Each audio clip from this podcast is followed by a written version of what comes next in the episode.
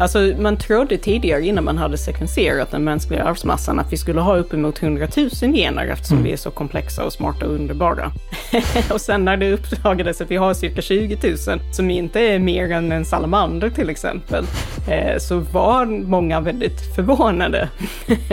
Men det är ju för att det är hur gener uttrycks och i olika kombinationer och att samma gen kan ge upphov till flera olika egenskaper som gör att man kan få en väldigt stor variation, även om vi inte har en större arvsmassa än andra djur till exempel. Eh, men det gör det också väldigt komplicerat när allting hänger ihop.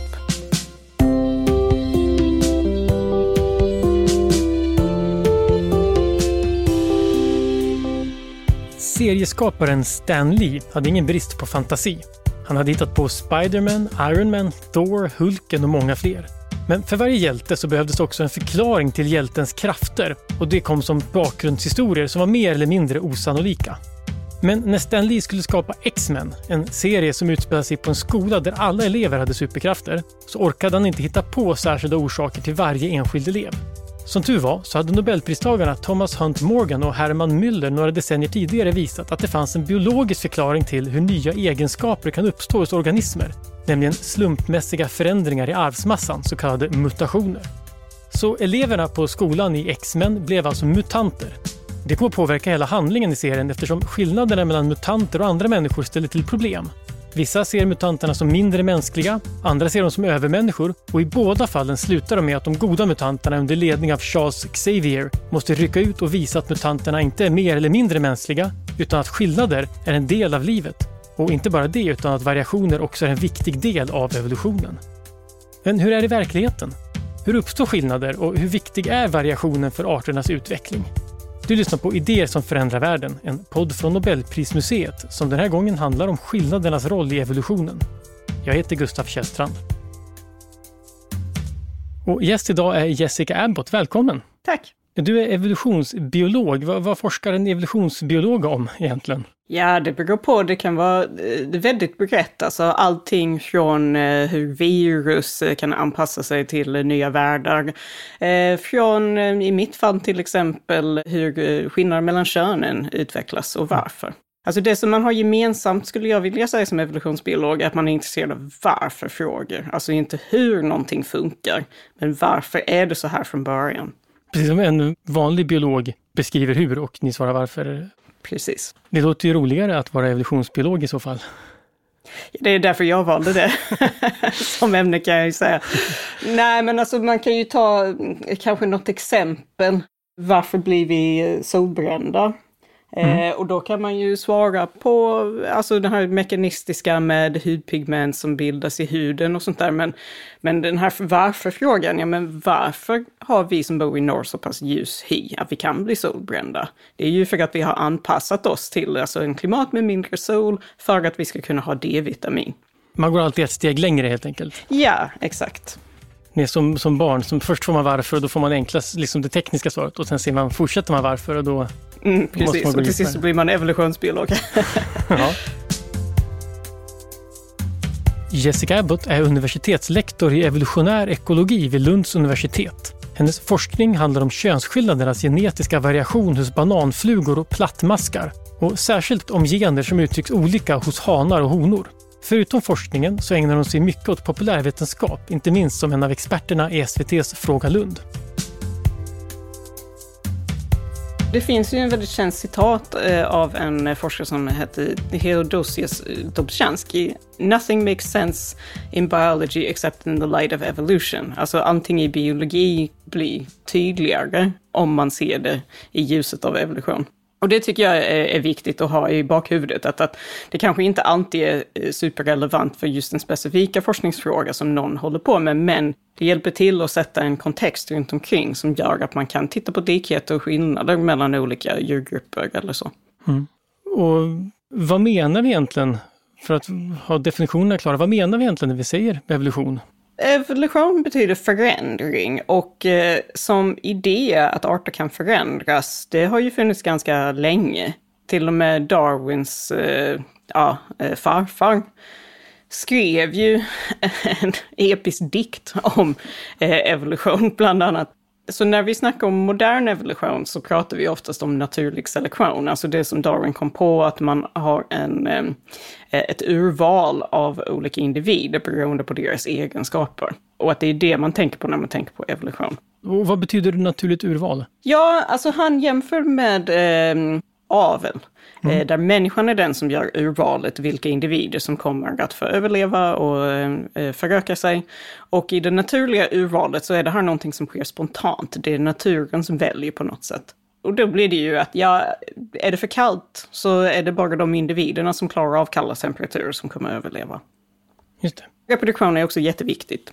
Eh, såklart, alltså man måste hitta en partner och kunna lägga sina ägg eller befrukta sin partner om man är hane. Eh, så det är ju också jätteviktigt för att kunna eh, föra sin arvsmassa vidare. Och vilket är viktigast av överlevnad och reproduktion? Kanske inte går att säga. ja, på sätt och vis så är överlevnaden viktigare eftersom det utgör ett filter. Alltså om man eh, till exempel har eh, en arvsmassa som skulle göra att man hade varit väldigt framgångsrik med reproduktionen. Att, eh, som hane att man är väldigt attraktiv eller mm. att som hona att man skulle kunna lägga jättemånga ägg. Om man ändå inte klarar av att överleva till vuxen ålder, så då hjälper det ingenting. Så på så sätt så måste överlevnaden alltid komma först. Men när man väl har reproducerats, då, alltså det, det, överlevnaden spelar inte så stor för lång livslängd antar jag? Nej, absolut inte. Så är det ju och eh, där finns det ju oftast, eh, tänker man, någon slags eh, trade-off mellan överlevnad och reproduktion. Alltså att om man eh, då lägger mycket energi på att reproducera sig så tar det ifrån energin som man kan lä lägga på att förlänga livet. Så att eh, ja, i eh, de mest extrema fallen så har man ju då till exempel ja, laxar som kan producera alltså miljontals ägg och sen därefter så dör de ju för att de har ju tagit ut all sin energi. Just det. Och det, det, finns ju andra exempel då med ja, ettåriga insekter som lägger massa ägg, eh, honorna, och sen dör de ju. Så det är ju inte ovanligt, eh, speciellt hos djur där man inte behöver ta hand om ungarna. Just det. Um, en sak med det här, om man tänker på artificiellt urval så har man ju liksom ett mål när man vill ha en mm. hund som springer fortare eller så. Finns det något mål i, i det naturliga urvalet, det här överlevnaden, eller hur bestäms liksom att det ska förändras?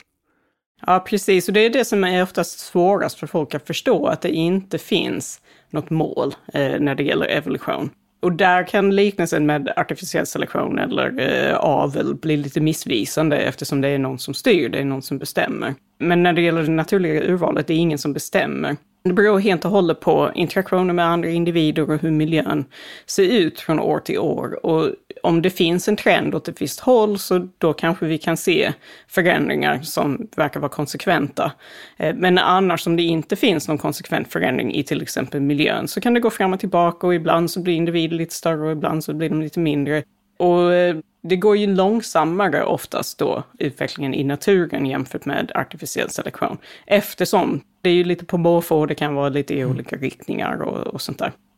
Det är också lite lurigt eftersom många av de anpassningar som vi ser, de ser väldigt ändamålsenliga ut. Alltså att djur är välanpassade till den miljön som de lever i.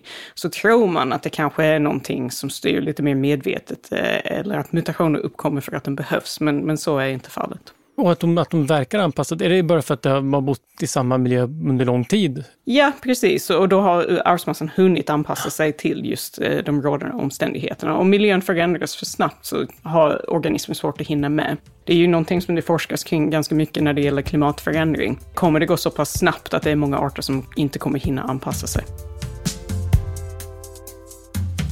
Kring sekelskiftet 1800 så var geologi modernt. Inte bara bland forskare utan även personer från medelklassen var ute i naturen och letade efter sällsynta stenar.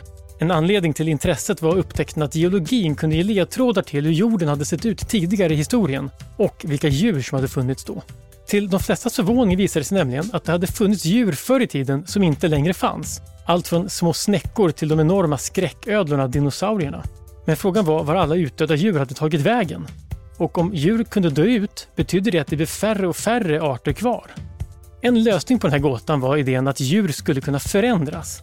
Fler mer eller mindre seriösa forskare, däribland Charles Darwins farfar Erasmus Darwin, förde fram idéer som gick ut på att arter kunde förändras genom att de anpassades till miljön de levde i.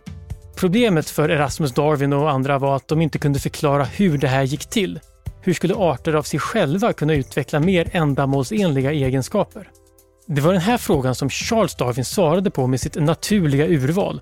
Alltså insikten att arter förändras hela tiden och de förändringar som ökar chansen för överlevnad och fortplantning bevaras i högre grad än andra. Så istället för att se egenskaper som ändamålsenliga så vände Darwin på det hela och beskrev dem som anpassade. Giraffer har inte en lång hals för att kunna äta löv från grenar högt uppe, utan det är tillgången på löv på grenar högt uppe som gör att giraffen har fått en lång hals. Och det är ju någonting som är ganska spännande om man har till exempel en anpassning som är bra till ett ändamål men som kan också vara bra till ett annat ändamål.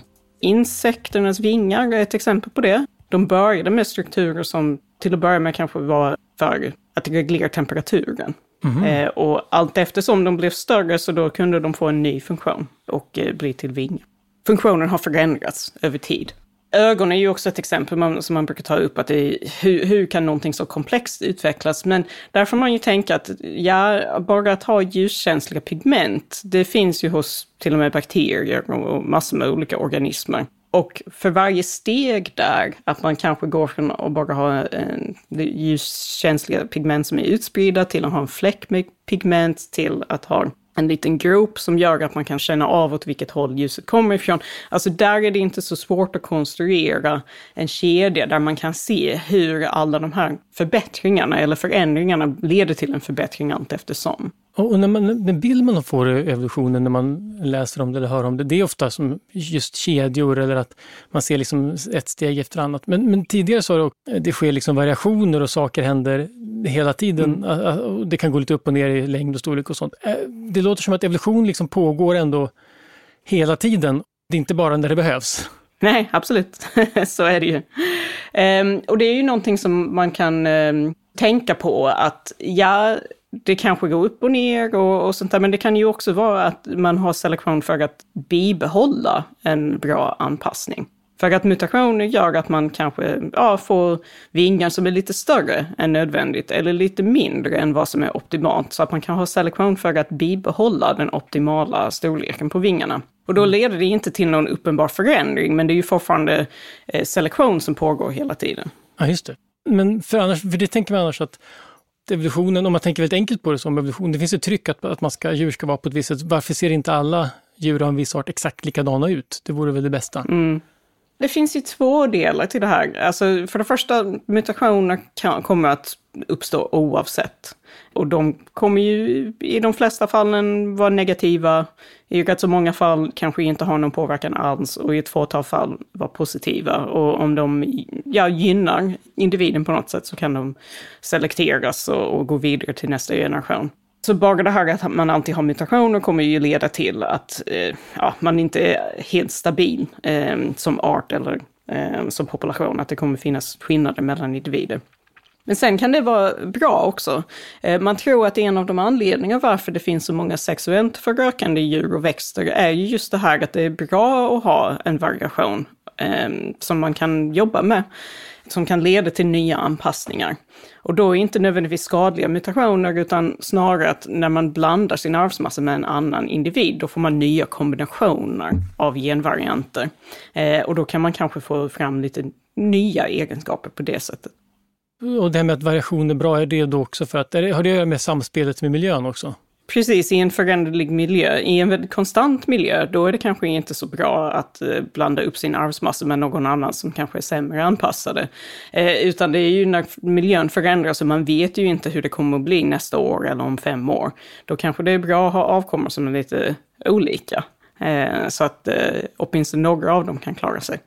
Och hur, hur går det till, för att om det då uppstår en mutation som är fördelaktig, om den uppstår på, hos en individ, hur vet man att den kommer spridas eller uppstår samma mutation hos flera individer? Ja, det här har ju studerats en del och eh, man kan ju säga att det som är vanligast är att det uppkommer en mutation hos en individ. Och även om det är gynnsamt så kommer det försvinna, bara på grund av slumpen. Eftersom det är bara en individ som bär på den här mutationen. Och just den här slumpmässiga effekten är ju någonting som folk ofta har, har svårt att, att greppa. Men det är ju inte så konstigt att har man en population med hundra individer och det är bara en som bär på en mutation, det räcker ju att den individen råkar ut för en olycka för att den där nya mutationen ska försvinna. Mm. Eh, men om den klarar av att komma upp i frekvens och sprida sig till eh, tillräckligt många individer i populationen, då kommer den alltså så småningom finnas hos alla individer eftersom det är gynnsamt. Men det finns ju eh, en effekt av slump, speciellt i början där när mutationer är ovanliga. Darwins idéer blev enormt inflytelserika på 1800-talet, men det fanns ett stort problem. Han visste inte hur de här egenskaperna bevarades. I början av 1900-talet hade det här problemet blivit så stort att biologer letade aktivt efter nya sätt att förklara arternas förändring. Och i jakten på alternativ så sökte de igenom biblioteken efter allt som hade skrivits i frågan. Och flera av dem hittade en artikel skriven av munken Gregor Mendel som 40 år tidigare hade gjort experiment på ärtor i sin klosterträdgård.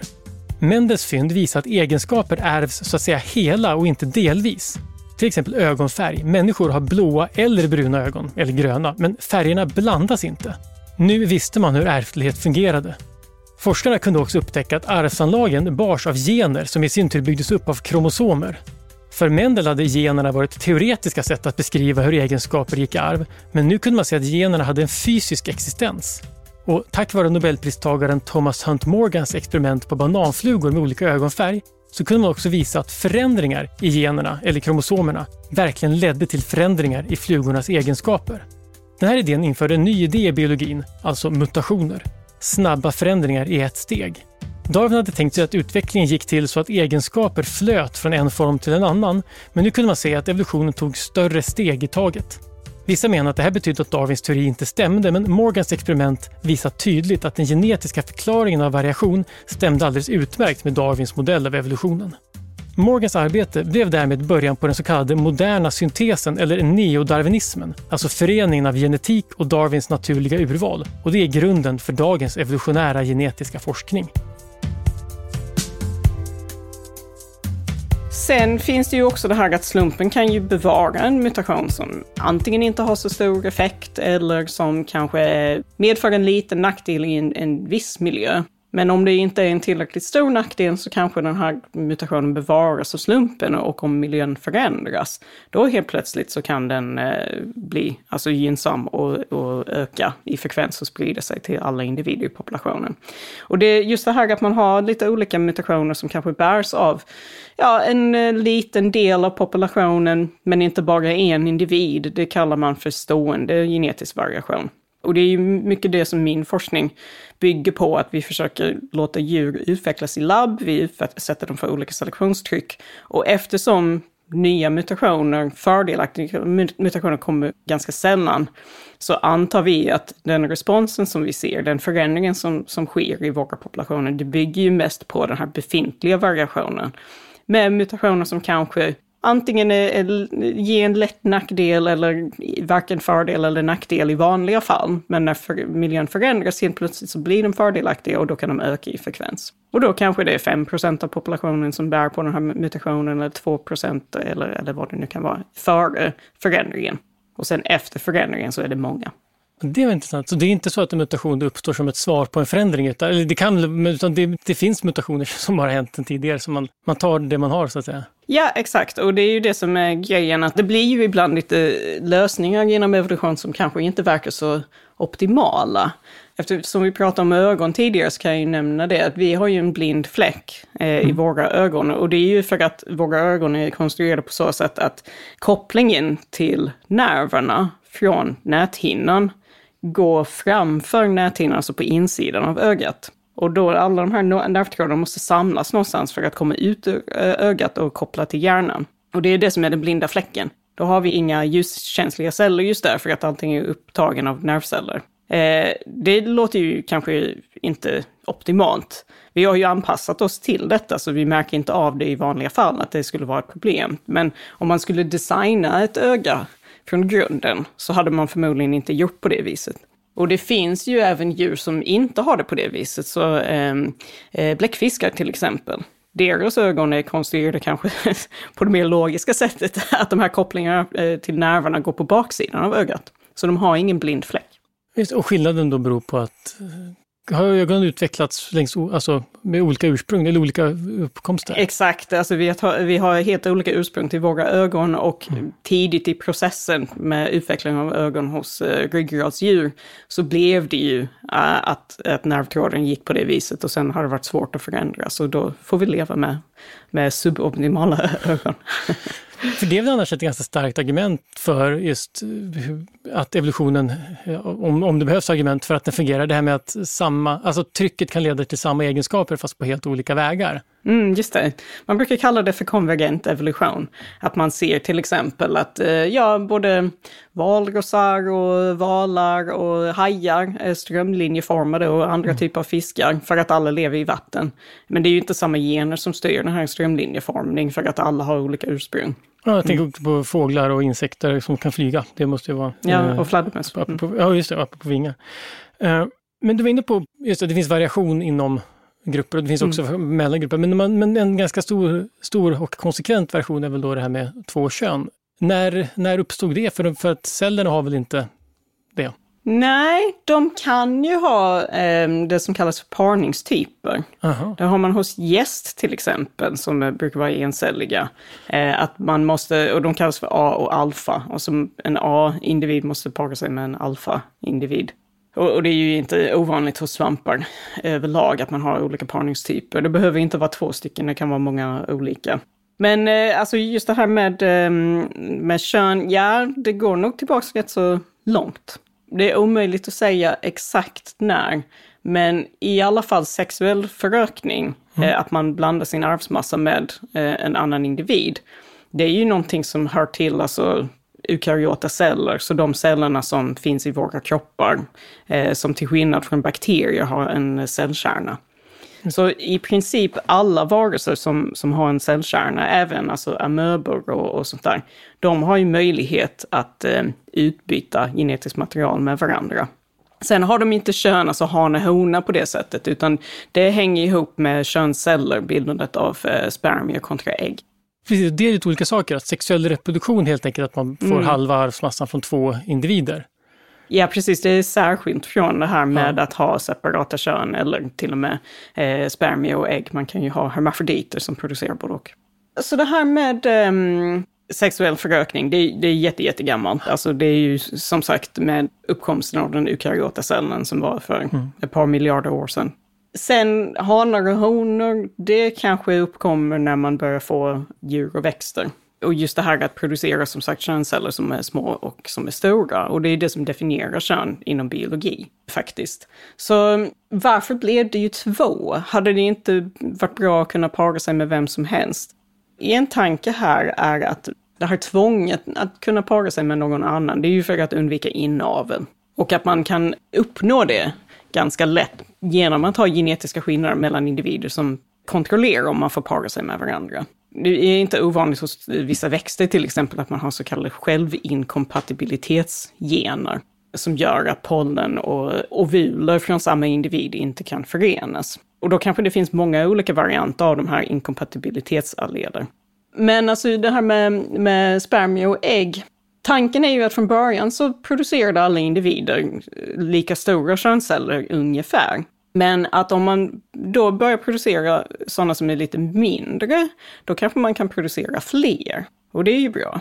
Och då skulle det gynnas eh, att, eh, av vissa individer som producerar lite mindre könsceller. Men två små könsceller som förenas, det kanske inte kan bilda en vuxen individ. Det kanske inte funkar med fosterutvecklingen sen. Så då kanske det finns alltså selektion för andra individer att börja investera i att producera lite större könsceller, mm.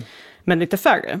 Eh, och när den processen kommer igång, att man har två olika typer eller grupper som börjar producera lite mindre och lite större könsceller, då blir det ju en, en eh, koevolution, alltså att de anpassar sig till varandra, så att de större tenderar till att bli större och de mindre tenderar till att bli mindre, att de satsar på olika strategier helt enkelt. Att äggcellerna, är, ja det är ju de individerna som har satsat på avkommans överlevnad och eh, de små, det är ju de individerna som har satsat på att befrukta så många andra som möjligt. Och är, det, är det så här liksom man tänker som evolutionsbiolog alltid? Att det, här, det är så intressant att höra att man från början liksom hittar en ganska liten skillnad som sen blir större och större ju mer tiden går. För att det, det räcker med att en mm. blir lite mindre så finns det en skillnad och plötsligt om det är en fördel då så kommer de fortsätta vara mindre och då skillnaden kan mm. öka genom att de blir mindre eller de andra större. För det, ja, sen har det ju lett till jättemycket förändringar förstås. Ja, exakt. Och det är det som är tanken, att det här var någonting som hände gradvis, men sen när man har etablerat att det finns bara två olika typer med stora kontra små könsceller, då allting annat rullar på därefter. Att ja, eh, kanske de här som producerar små könsceller, hanarna som vill befrukta många andra individer, att de även satsar på eh, andra strategier för att få många partners, alltså imponera på det andra könet och ha fina fjädrar och allt sånt där. Man får ju också inte glömma att alltså, miljön är viktig här. Det finns ju djur som har så kallade omvandlade könsroller, omvända könsroller. Eh, där hanarna är ju de som är lite restriktiva med vem de vill para sig med och honorna konkurrerar med varandra för att ha access till hanar. Och i detta fall så är det ju oftast för att den gruppen som investerar mer energi i avkomman är ju de som blir lite mer kräsna. Så i de fallen där hanen till exempel tar hand om ungarna och, och honan gör inte det, då kan det vara som så att eh, trots att honan lägger stora ägg fortfarande och hanen har fortfarande små spermier, mm. att det är inte investeringen i könscellerna som är det väsentliga längre, utan det är allt det andra runt omkring. Och vad kan det vara för djur? Är det sjöhästar och sådana djur? Ja, sjöhästar. Inte ovanligt hos eh, fåglar eh, att hanen mm. kan eh, antingen bidra tillsammans med honan till att ta hand om ungarna och då brukar man se att de har gemensamt partnerval, att bägge två är kräsna. Och i ett fåtal fall att det är endast hanen som tar hand om eh, ungarna. Eh, det är ju inte heller jätteovanligt när det gäller grodor och fiskar att man har så kallade mouth brooding eh, fishes, alltså där hanen håller ungarna i munnen för att skydda dem efter de har kläckts ut. Ja, och det kan jag tänka mig att det är energikrävande. Ja, precis. Ja, alltså just det här, man ser ju överlag att hanarna hjälper till i större utsträckning på det hela taget i alla fall, eh, när det gäller djur som lägger ägg utanför kroppen. Just det här att, eh, att vara gravid som däggdjur, det gör att man blir ganska begränsad. Eh, alltså hur mycket hanen kan investera eh, i, i avkommorna. Så så det är ju vanligare med, med alltså hanar som tar hand om sina ungar när det gäller just fåglar, fiskar, eh, grodor, eh, groddjur eh, och, och så vidare. Men jag tänker på primater och även människor, där finns det ju ändå ett visst mått av att ta hand om Är det för att vi lever socialt, är vi sociala djur då, att, att det mm. finns en poäng av det skälet? Jo, precis. Det ser man ju också, både hos uh, fåglar och däggdjur, att det är inte ovanligt att man kan leva i stora grupper, där många vuxna hjälps åt att ta hand om ungarna. Eller att man eh, kanske lever i mer monogama par och att föräldrarna hjälps åt att ta hand om sina egna ungar, men kanske inte så mycket om andras ungar mm. inom gruppen. Alltså när man tittar på människans utveckling så tror jag att det har varit viktigt det här med mer monogama förhållanden, att bägge föräldrarna har hjälpts åt att ta hand om ungarna, för att annars så hade vi förmodligen inte kunnat få så stora hjärnor. I och med att vi föds så hjälplösa och, och mamman eh, blir ju så ja, begränsad efter födseln ett tag med att kunna mm. skaffa egen mat och sånt där, att, att det, det blir ju rimligt att man måste hjälpas åt istället det är som att barnet när det väl föds så är det fortfarande lite likt ett ägg, så att säga. Det på det sättet att det ligger still och måste tas om ja. hand och ges mat. Ja, exakt. Och det, då hade man ju kunnat ha alltså, sociala grupper där det är framförallt gruppen som hjälps åt. Men eh, hos oss så verkar det vara ändå ganska vanligt, även eh, under vår utveckling, att eh, pappan har hjälpt till.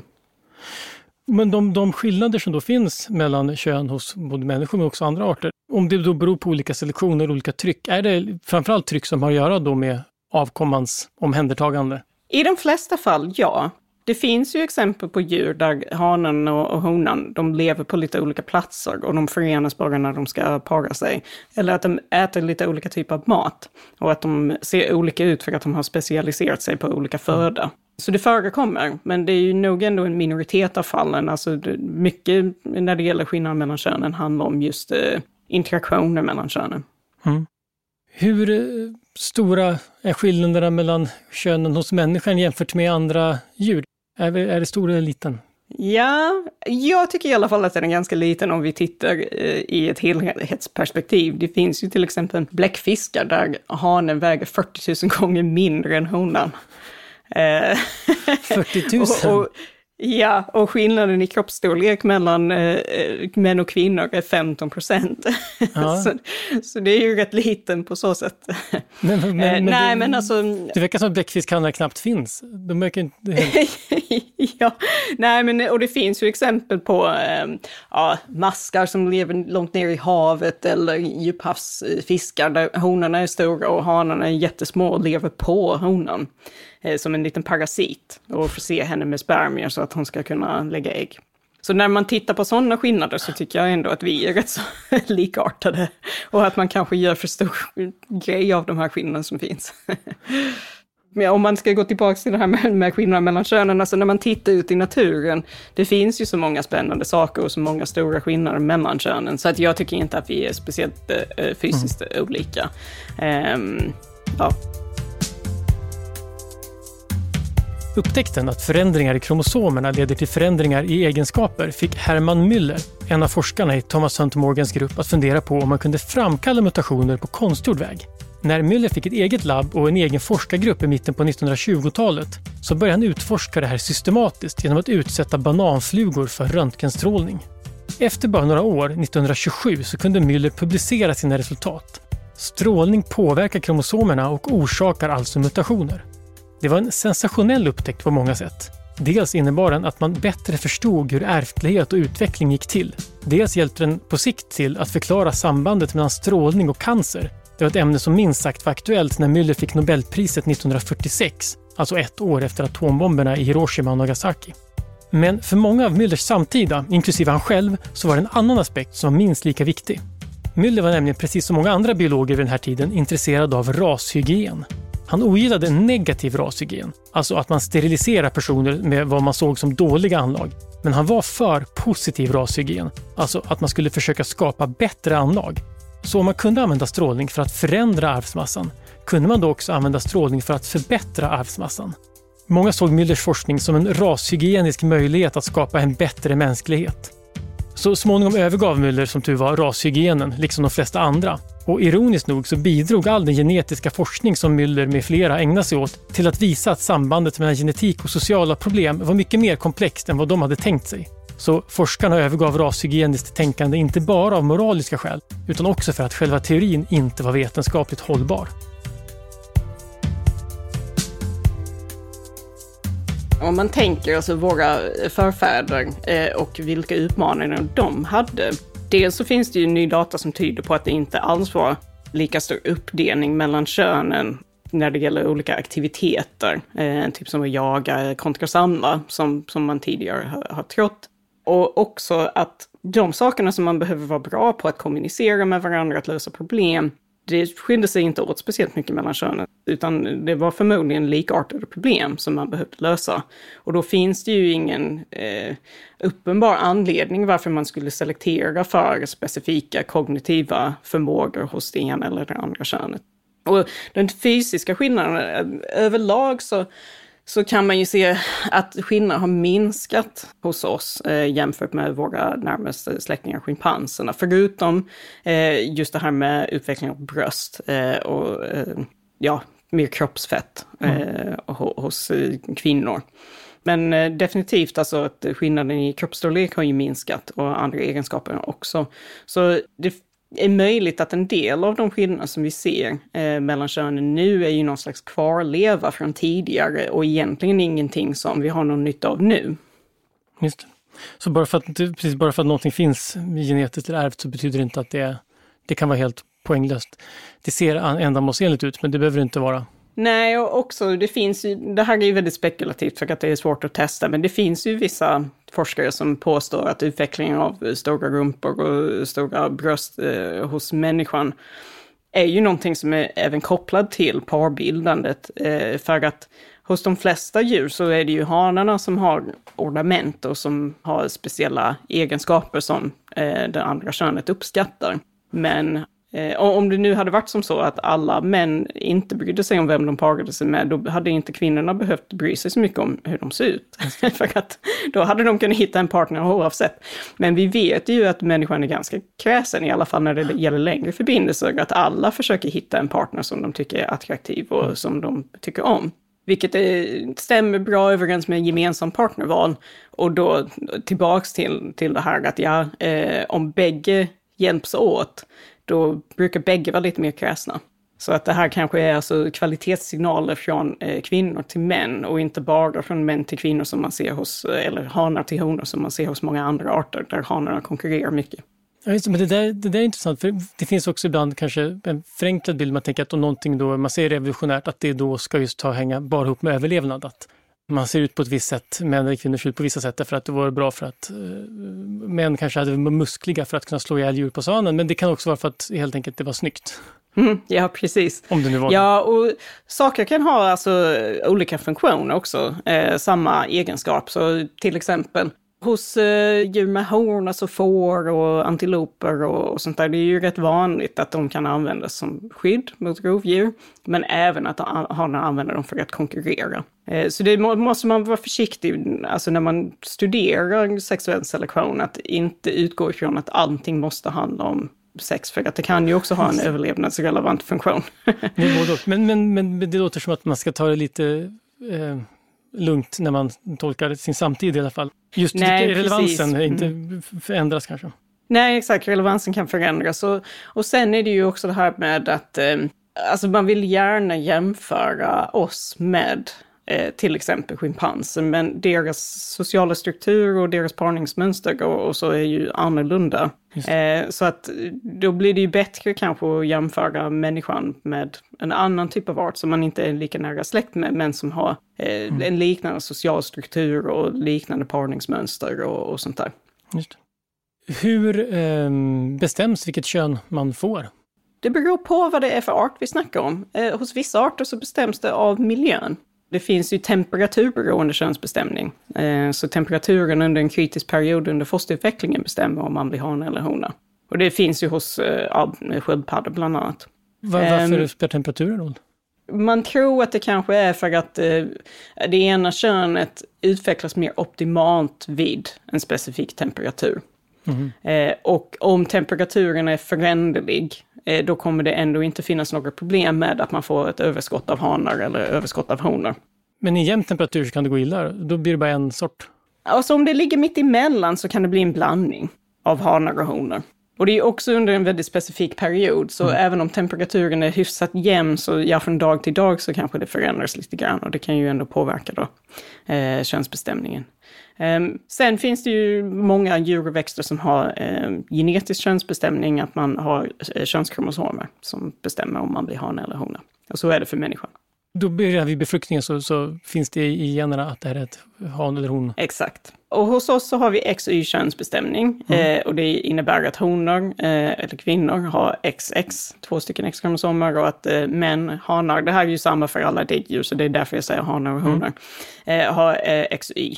Eh, och så det är ju spermierna som får antingen en X-kromosom eller en Y-kromosom som bestämmer om det blir en pojke eller en flicka.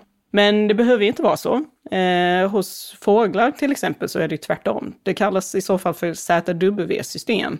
Så hanar har två Z-kromosomer och honan har en Z och en W-kromosom. Så då hänger det på vilket ägg man hamnar i? Precis. Så, så uh, honan, uh, när uh, hon lägger äggen så, så kommer de antingen utvecklas till att bli hanar eller honor oavsett mm. vilken spermie de blir befruktade med. Okej. Okay att det är så att det finns genetiskt styrt, vad betyder det alltid att det blir precis så? Nej, absolut inte. Och det är därför jag var tydlig med att nämna att den här biologiska definitionen av kön handlar om könscellerna, om man producerar spermier eller ägg. För att, ja men till exempel, jag jobbar med plappmaskar som är hemafroditer, de kan producera både spermier och mm. ägg. Så man kan prata om alltså vilken strategi de kan ha när de försöker befrukta en annan individ jämfört med äh, när de ska bli befruktade. Men det är ju ändå samma individ som inte har något, något specifikt kön. Men alltså könsbestämning är en jättekomplex process, så även om man har genetisk könsbestämning med till exempel X och Y-kromosomer, de startar en eh, process i kroppen under fosterutvecklingen som kommer att leda till att man, ut, man får egenskaper som man förknippar med det ena eller det andra könet. Det är jättemycket som kan hända på vägen. Så att man kanske har könskromosomer som säger att man borde vara en man, men att kroppen utvecklas till eh, att det blir en kvinnlig kropp. Det finns ju alla möjliga både mutationer och slumpmässiga händelser under fosterutvecklingen som kan påverka så att man får ja, en könstillhörighet eller könskromosomer eller kropp som inte stämmer överens eh, 100%. Och det är inget konstigt med det egentligen. Nej, och det förekommer då hos andra arter än människan också. Även om det är svårt att veta, fråga hur de upplever Det är svårt att veta. Eh, alltså, hos människan, om man grupperar alla former av eh, man brukar kalla det för disorders of sexual development, alltså att, man, att det är någonting som inte matchar mm. med allt det här med könstillhörighet och hur kroppen mm. ser ut och vad man har för könskromosomer, så är det ju uppemot 1-2 procent. Mm. Eh, det är ju ganska vanligt faktiskt om man har någon variant där det inte syns så mycket, att det är ju först när man får fertilitetsproblem i vuxen ålder som man upptäcker att aha, nej, jag kanske har en genotyp som inte riktigt stämmer överens med, med kroppen. Eh, eftersom då blir det ju problem eh, när man ska antingen bli befruktad eller befrukta någon, befrukta någon annan. Så det är ju inte, det, det är inte så ovanligt som man kanske tror. Mm. Eh, men om vi snackar alltså 1-2 procent, mm, det kan ju bli svårt att hitta ute i naturen då. Speciellt om man tänker att om de här individerna har andra problem som gör att de har sämre möjlighet att överleva. Så då blir det ju svårt att upptäcka dem. Men det finns absolut exempel där man har hittat intersex-individer av olika slag ute i naturen. Och hos bananflugorna som jag jobbar med så kan man ju ibland hitta individer där den ena halvan av kroppen är eh, hane och den andra halvan är hona. Det kan också förekomma hos fåglar. Det låter ju besvärligt, men det kanske inte spelar så stor De stigmatiserar kanske inte det så hårt å andra sidan. ja, nej, alltså de, de blir sterila då, de kan inte eh, fortplanta sig. Så det är ju därför de blir ovanliga, för mm. att det finns ju ingen möjlighet för den här egenskapen att, att skickas till nästa generation. Att det funkar på det viset hos insekter, det är ju för att deras könsbestämning, den sker in i varje enskild cell hormoner spelar en jättestor roll hos oss. Så om man har rätt halter av testosteron och östrogen, det är det som påverkar mycket av kroppens utveckling under fosterutvecklingen. Men hos insekter så är det ju att varje cell känner av, har jag en X-kromosom eller två? Mm. Eh, till exempel. Och sen bestämmer sig. Och om det händer en mutation tidigt under fosterutvecklingen, att till exempel den ena X-kromosomen går förlorad, då kan det bli att halva kroppen blir det ena könet och halva blir det andra. Mm. Men för ibland, det är intressant för att ibland pratas det om som att frågor om det här liksom könstillhörighet som någonting som kan vara flytande eller som kan vara oklart att definiera. Att det, det, man kan bara säga att det, det, är enkelt att peka på biologin, att man kan titta på gen, men det är inte riktigt så enkelt. Det är mer komplicerat. Det är Nej. biologi, men det är mer komplicerad biologi. Det är väldigt komplicerat. Alltså den forskningen som finns tyder på att ja, det finns ju förmodligen någon underliggande biologisk faktor i de här fallen. Men om det är genetiskt eller om det är mest på grund av slumpen är ju oklart. När det gäller könstillhörighet, det verkar vara mycket slump. Och det kanske är väldigt små förändringar under en väldigt liten kritisk period under fosterutvecklingen som påverkar det här. Och i så fall så blir det ju väldigt svårt att upptäcka. Men också eftersom vi snackar om olika mutationer eller olika fluktuationer under fosterutvecklingen som kan ge upphov till ungefär samma utfall. Mm. Det är också extra svårt och när det är någonting som är lite ovanligt och som kan ha flera olika orsaker att försöka pricka in. Sen får man ju inte glömma att eh, i alla fall när man försöker titta på skillnader i hjärnstruktur mellan män och kvinnor, att då måste man också ta hänsyn till att vi formas väldigt mycket av vår omgivning. Mm. Och att hjärnan är ju plastisk, alltså vi, vi, kan ju utveckla vissa delar av hjärnan mer eller mindre beroende på hur mycket vi använder dem. Så att även om man skulle upptäcka en skillnad i hjärnan mellan män och kvinnor, det innebär inte att det här är någonting medfött, utan det kanske är för att vi ja, bemöts olika och, och behandlas olika och gör olika saker eh, i vardagen under vår livstid. Man pratar ibland om våra gener som en ritning eller en kod som bestämmer hur vi utvecklas. Det stämmer, men det är också mer komplicerat. Vår arvsmassa innehåller en massa olika gener och vilka som aktiveras och uttrycks bestäms av miljön, både i och utanför våra kroppar. Forskarna beskriver det här som skillnaden mellan genotyp och fenotyp. Genotypen, det är organismens arvsmassa och fenotypen är hur arvet uttrycks, alltså hur organismen ser ut. Eftersom genotypen innehåller fler gener än vad som uttrycks så kan det finnas en stor variation i fenotypen hos en grupp även om genotypen är ganska lik. Så är det till exempel just hos människan. Alla människor är på genetisk nivå väldigt lika varandra, men vi kan ändå se stora skillnader i utseende. När man har delat in människan i olika så kallade raser så har man alltså blandat ihop skillnader i fenotyp med skillnader i genotyp. Att vi ser olika ut betyder inte att vi är olika på genetisk nivå. Just det här alltså mötet mellan eh, samhällsfaktorerna och biologi tycker jag är väldigt spännande. Det är ju väldigt svårt att studera, det är det som är problemet, men det är ju väldigt intressant. Det finns ju till exempel ett par studier som har visat samband mellan eh, intelligens och eh, då hur många barn man får. Två studier, en från USA och en från Storbritannien, har ju visat ett positivt samband för män, att man får fler barn ju högre IQ man har, men ett negativt samband för kvinnor. Så att kvinnor får färre barn ju högre IQ de har. Ehm, då kan man undra, är det här någonting som är biologiskt, som är helt naturligt, att hjärnan tar för mycket energi från kroppen på något sätt om man är kvinna eller så? Det, det, det hade man ju kanske tänkt om, om vi tänker andra djur. Men alltså, det är förmodligen bara en samhällseffekt. Att är man eh, smart som kvinna så kanske vill plugga på universitetet och då bildar man förmodligen familj senare. Och då får man inte lika många barn för att man börjar senare helt enkelt. Och det är dessutom är ganska svårt. Man börjar tänka på hur många barn man själv har och vem som intelligentast av mig och min fru. men, men jag antar att det också har att göra med viss typ av alltså monogami till exempel. Ja, eh, spelar roll. Spelar ja, roll. Nej, men det, det, där kan man ju verkligen eh, se att, eh, att sociala strukturer, alltså att det är svårt att kombinera studier med eh, en familj. Mm. Eh, att det påverkar, alltså, eh, har potential att påverka vår utveckling, kan man ju säga. Det, det, gör det inte nödvändigtvis, men att man ser att det finns ett samband. Men, men för det här tycker jag är så intressant. Det, det, är väl, det är klart att könsskillnader blir ett väldigt tydligt exempel, men det är, det är väl också mer generellt det med att dels förstås det här med alltså, biologiskt och arv och miljö och så, med andra egenskaper, men också det här på grundläggande nivån att bara för att någonting finns i generna så är det inte säkert att det också kommer synas i ens kropp, alltså mm. det, att det är olika saker. Jo, och en del av de här mutationerna som jag nämnde tidigare som verkar inte ge något utslag, då är det ju kanske för att det är så kallade synonyma mutationer. Att det, det är en del av arvsmassan där man ser en skillnad men som inte kommer att påverka kroppen på något sätt. Alltså det påverkar inte proteinsekvensen.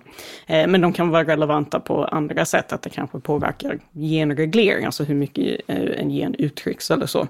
Det där med hur gener uttrycks, det har vi inte pratat så mycket om, men det vi ska snart runda av. Men det är ändå intressant att bara nämna det här med att, alltså sambandet mellan för vi ärver ju mm. inte egenskaperna, även om det är lätt att tänka så. Vi ärver väl generna? Och, ja, precis. Och då ska de precis, uttryckas eller inte? Ja, precis. Och det innebär att det, det, kan också finnas egenskaper som man har anlag för, men som inte kommer till uttryck av en eller annan anledning. Alltså ett enkelt exempel är ju det här med dominanta egenskaper och recessiva egenskaper. Man får lära sig i skolan oftast att eh, eh ögonfärg, att brunt är dominant över blått. Det är mer komplicerat än så egentligen, men alltså det, ju, det, det stämmer tillräckligt för att vi kan använda det här som exempel. Att två brunögda föräldrar kan eh, då få ett blåögt barn, mm. för att de kanske har alltså anlag för blå ögon, men att det syns inte eftersom eh, det bruna är dominant. Men tvärtom funkar inte. Så det kan ju finnas eh, exempel med dominans, men även alltså egenskaper som i vanliga fall skulle komma till uttryck, kanske av slumpen, inte uttrycks. Eh, de generna sätts aldrig på i kroppen av slumpmässiga skäl eller så. Och miljö antar jag också att det finns. Ja, och miljön kan påverka också så att vissa egenskaper kommer till uttryck eller inte beroende på. Det finns ju ganska mycket forskning på djur där man tittar på alltså stress, hur stress påverkar organismer på olika sätt. Och då kan man ju se att ja, vissa mutationer som i vanliga fall inte ger speciellt mycket utslag, eh, ger upphov till problem om kroppen är stressad. Okej, okay, så det, stress är dåligt då? Ja, jo, det, det visste vi ju ändå att stress är dåligt. Ja, men, men alltså, det, det, speciellt att det kan finnas en interaktion mellan stress och arvsmassan som påverkar okay. hur kroppen blir. Jag tänkte bli lätt fundersam för jag tänkte att det kanske, om man tänker att det handlar om naturligt urval och sånt, att stress kanske vore positivt i någon bemärkelse, att man skulle tvinga fram förändring. Ja, men, men, det inte, men så är det. Ja, det är ju en fråga som man har undersökt rätt mycket för att försöka ta reda på det. För att man vet ju att organismer, de får fler mutationer i arvsmassan eh, om de är stressade. Kan det här vara en anpassning till att eh, se till att man får mer variation när man behöver det? Och det är inte lätt alls att designa experiment för att verkligen testa det här, att se om det är verkligen fördelaktigt och inte bara en bieffekt av att allting funkar sämre när man är stressad. Men alltså de experiment som har gjorts, som har verkligen försökt dra isär den här effekten av stress som sådan och om det kan vara gynnsamt att eh, producera fler mutationer när man är stressad, det, det verkar inte vara så. Eh, framförallt förmodligen för att de flesta mutationer är dåliga. Så att, eh, att få fler dåliga mutationer hjälper ju inte eh, när man är stressad. Så, så, det, är ju, det är ju en spännande tanke, men än så länge de eh, experiment som finns som verkligen har tittat på det här, då, då verkar det som alla organismer försöker hålla mutationshastigheten eh, så lågt som möjligt. Mm. Det, det känns som att man skulle kunna gå igenom alla egenskaper som finns och så tar man... men det skulle ta för lång tid, så jag tänkte avsluta med en sista fråga som, bara, eh, som inte om en egenskap egentligen, men bara nyfikenhet och som också fick av... Jag försökte prata om det här med, med, eh, med mina barn igår, om att jag skulle prata om det här och då pratade vi om det här med att man ärver ju gener från föräldrarna. Och då frågade mm. ett av barnen varför, om hon då och hennes syster eh, har ärvt hälften av arvsmassan från mig och hälften från sin mamma, varför är de inte likadana? För att det är inte samma halva. Okay. De kan ju ha ärvt lite olika delar av arvsmassan och faktiskt nu när man kan sekvensera arvsmassan så ser man att det finns ju lite skillnader. Alltså det här med att uh, helsyskon ska dela 50% av sin arvsmassa, det är ett genomsnitt. Mm. På grund av slumpen så kan det bli lite mer eller lite mindre. Men skulle nästan kunna bli helt lika om de, om de, fick, om de råkade få samma halva? Det är väldigt osannolikt, det är, ju, det är ju det. Men det finns ju en spridning där runt det här 50% så att man kan bli mer eller mindre lika varandra. Okej, men det var en bra förklaring, att det är, det olika halvor. I alla fall. Men bara som faktum, faktum är att jag tycker det är intressant, för bara en sån enkel sak, för när man pratar om evolution så blir det ganska lätt att förenklas så mycket så att de där frågorna blir svåra, därför att det känns som att det ska vara väldigt tydligt att man har en gen för det och så blir man på ett sätt. Mm. En smart gen eller en gen för ögonfärg. Mm. Men, men det verkar som att allt är lite komplicerat. Och det där svaret är just att mm. inte ens då när man får halva från halv från en förälder, så ja, just att det finns olika halvor. Det är mycket mer. Det är principen är ganska tydlig, men det är mer komplicerat när man gräver sig ner i det. Ja, för att det verkar finnas massor med interaktioner mellan olika gener som påverkar. Alltså, man trodde tidigare, innan man hade sekvenserat den mänskliga arvsmassan, att vi skulle ha uppemot 100 000 gener eftersom mm. vi är så komplexa och smarta och underbara. och sen när det uppdagades att vi har cirka 20 000, eh, som inte är mer än en salamander till exempel, eh, så var många väldigt förvånade. Men det är ju för att det är hur gener uttrycks och i olika kombinationer och att samma gen kan ge upphov till flera olika egenskaper som, som gör Mm. Att man kan få en väldigt stor variation, även om vi inte har en större arvsmassa än andra djur till exempel. Eh, men det gör det också väldigt komplicerat. Det blir jättesvårt med de här enkla orsak och verkanssamband när allting hänger ihop. Det låter väl som ett bra ställe att sluta på, att, att det här med att forska på evolution handlar inte om att, så att säga, förenkla världen. Det handlar mer om att förstå komplexitet. Det verkar som att man får en rikare förståelse av världen snarare än en tydligare, men det kanske djupare också. Ja, jag tycker det. Tack så hemskt mycket Jessica för att du var med och berättade. Det var jätteintressant. Tack. Idéer som förändrar världen är slut för den här gången. Den här podden görs av Nobelprismuseet. Vi finns på Stortorget i Gamla stan. Information om museets utställningar och öppettider finns på museets hemsida nobelprismuseum.se. Du kan förstås också följa oss på Facebook och Instagram. Och vill du veta mer om Nobelpristagarna och deras arbete så gå gärna till Nobelprisets hemsida nobelprice.org. Och ett stort tack till Nibe Group, EF Education First, Knut och Alice Wallenbergs stiftelse och familjen Erling Perssons stiftelse som möjliggör Nobelprismuseets verksamhet. Idéer som förändrar världen görs i samarbete med produktionsbolaget Filt, producent är Andreas Wiklund och jag heter Gustav Källstrand. Vi är snart tillbaka med nya intressanta samtal.